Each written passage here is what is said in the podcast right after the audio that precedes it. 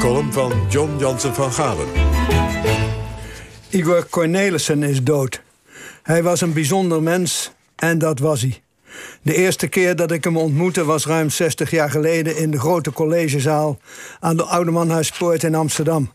Ik studeerde politieke en sociale wetenschappen en hij ook. Maar hij was ouderejaars en had al een loopbaan bij het Vrije Volk achter de rug. Tussen twee colleges door was hij naar het Partij van de Arbeid-congres in de RAI geweest.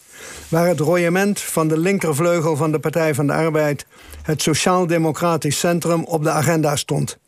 Die club, waar Igor natuurlijk bij hoorde, had zich beledigend uitgelaten over de Partij van de Arbeid.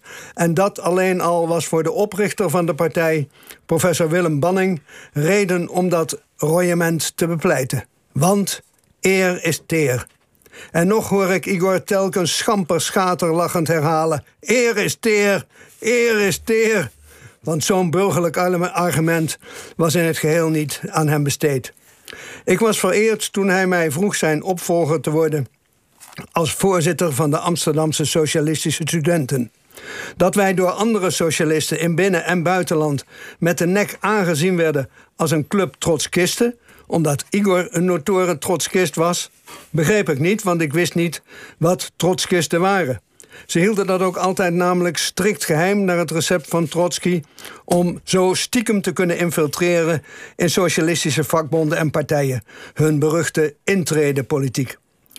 Toen ik na mijn afstuderen in het burgerlijk Algemeen Handelsblad een stuk schreef dat naar zijn mening het Cubaanse socialisme verriet, zegde Igor prompt de vriendschap op en groette mij niet langer.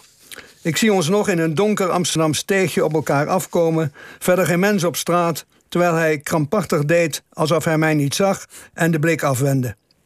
Maar vijftien jaar later, bij een diner ter ere van de schrijver Salsante, ook een voormalig trotskist, konden wij elkaar niet langer ontlopen en begroette hij mij breedlachend met uitgestoken hand.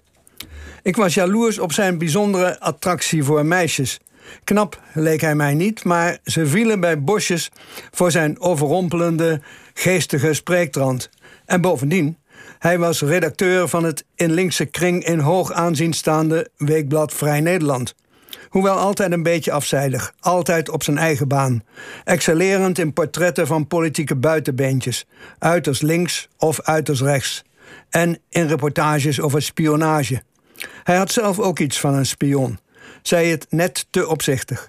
De leiding van de Partij van de Arbeid, die het blad meefinancierde, drong erop aan die trotskistische infiltrant subiet te ontslaan, maar de hoofdredacteur hield de rug recht.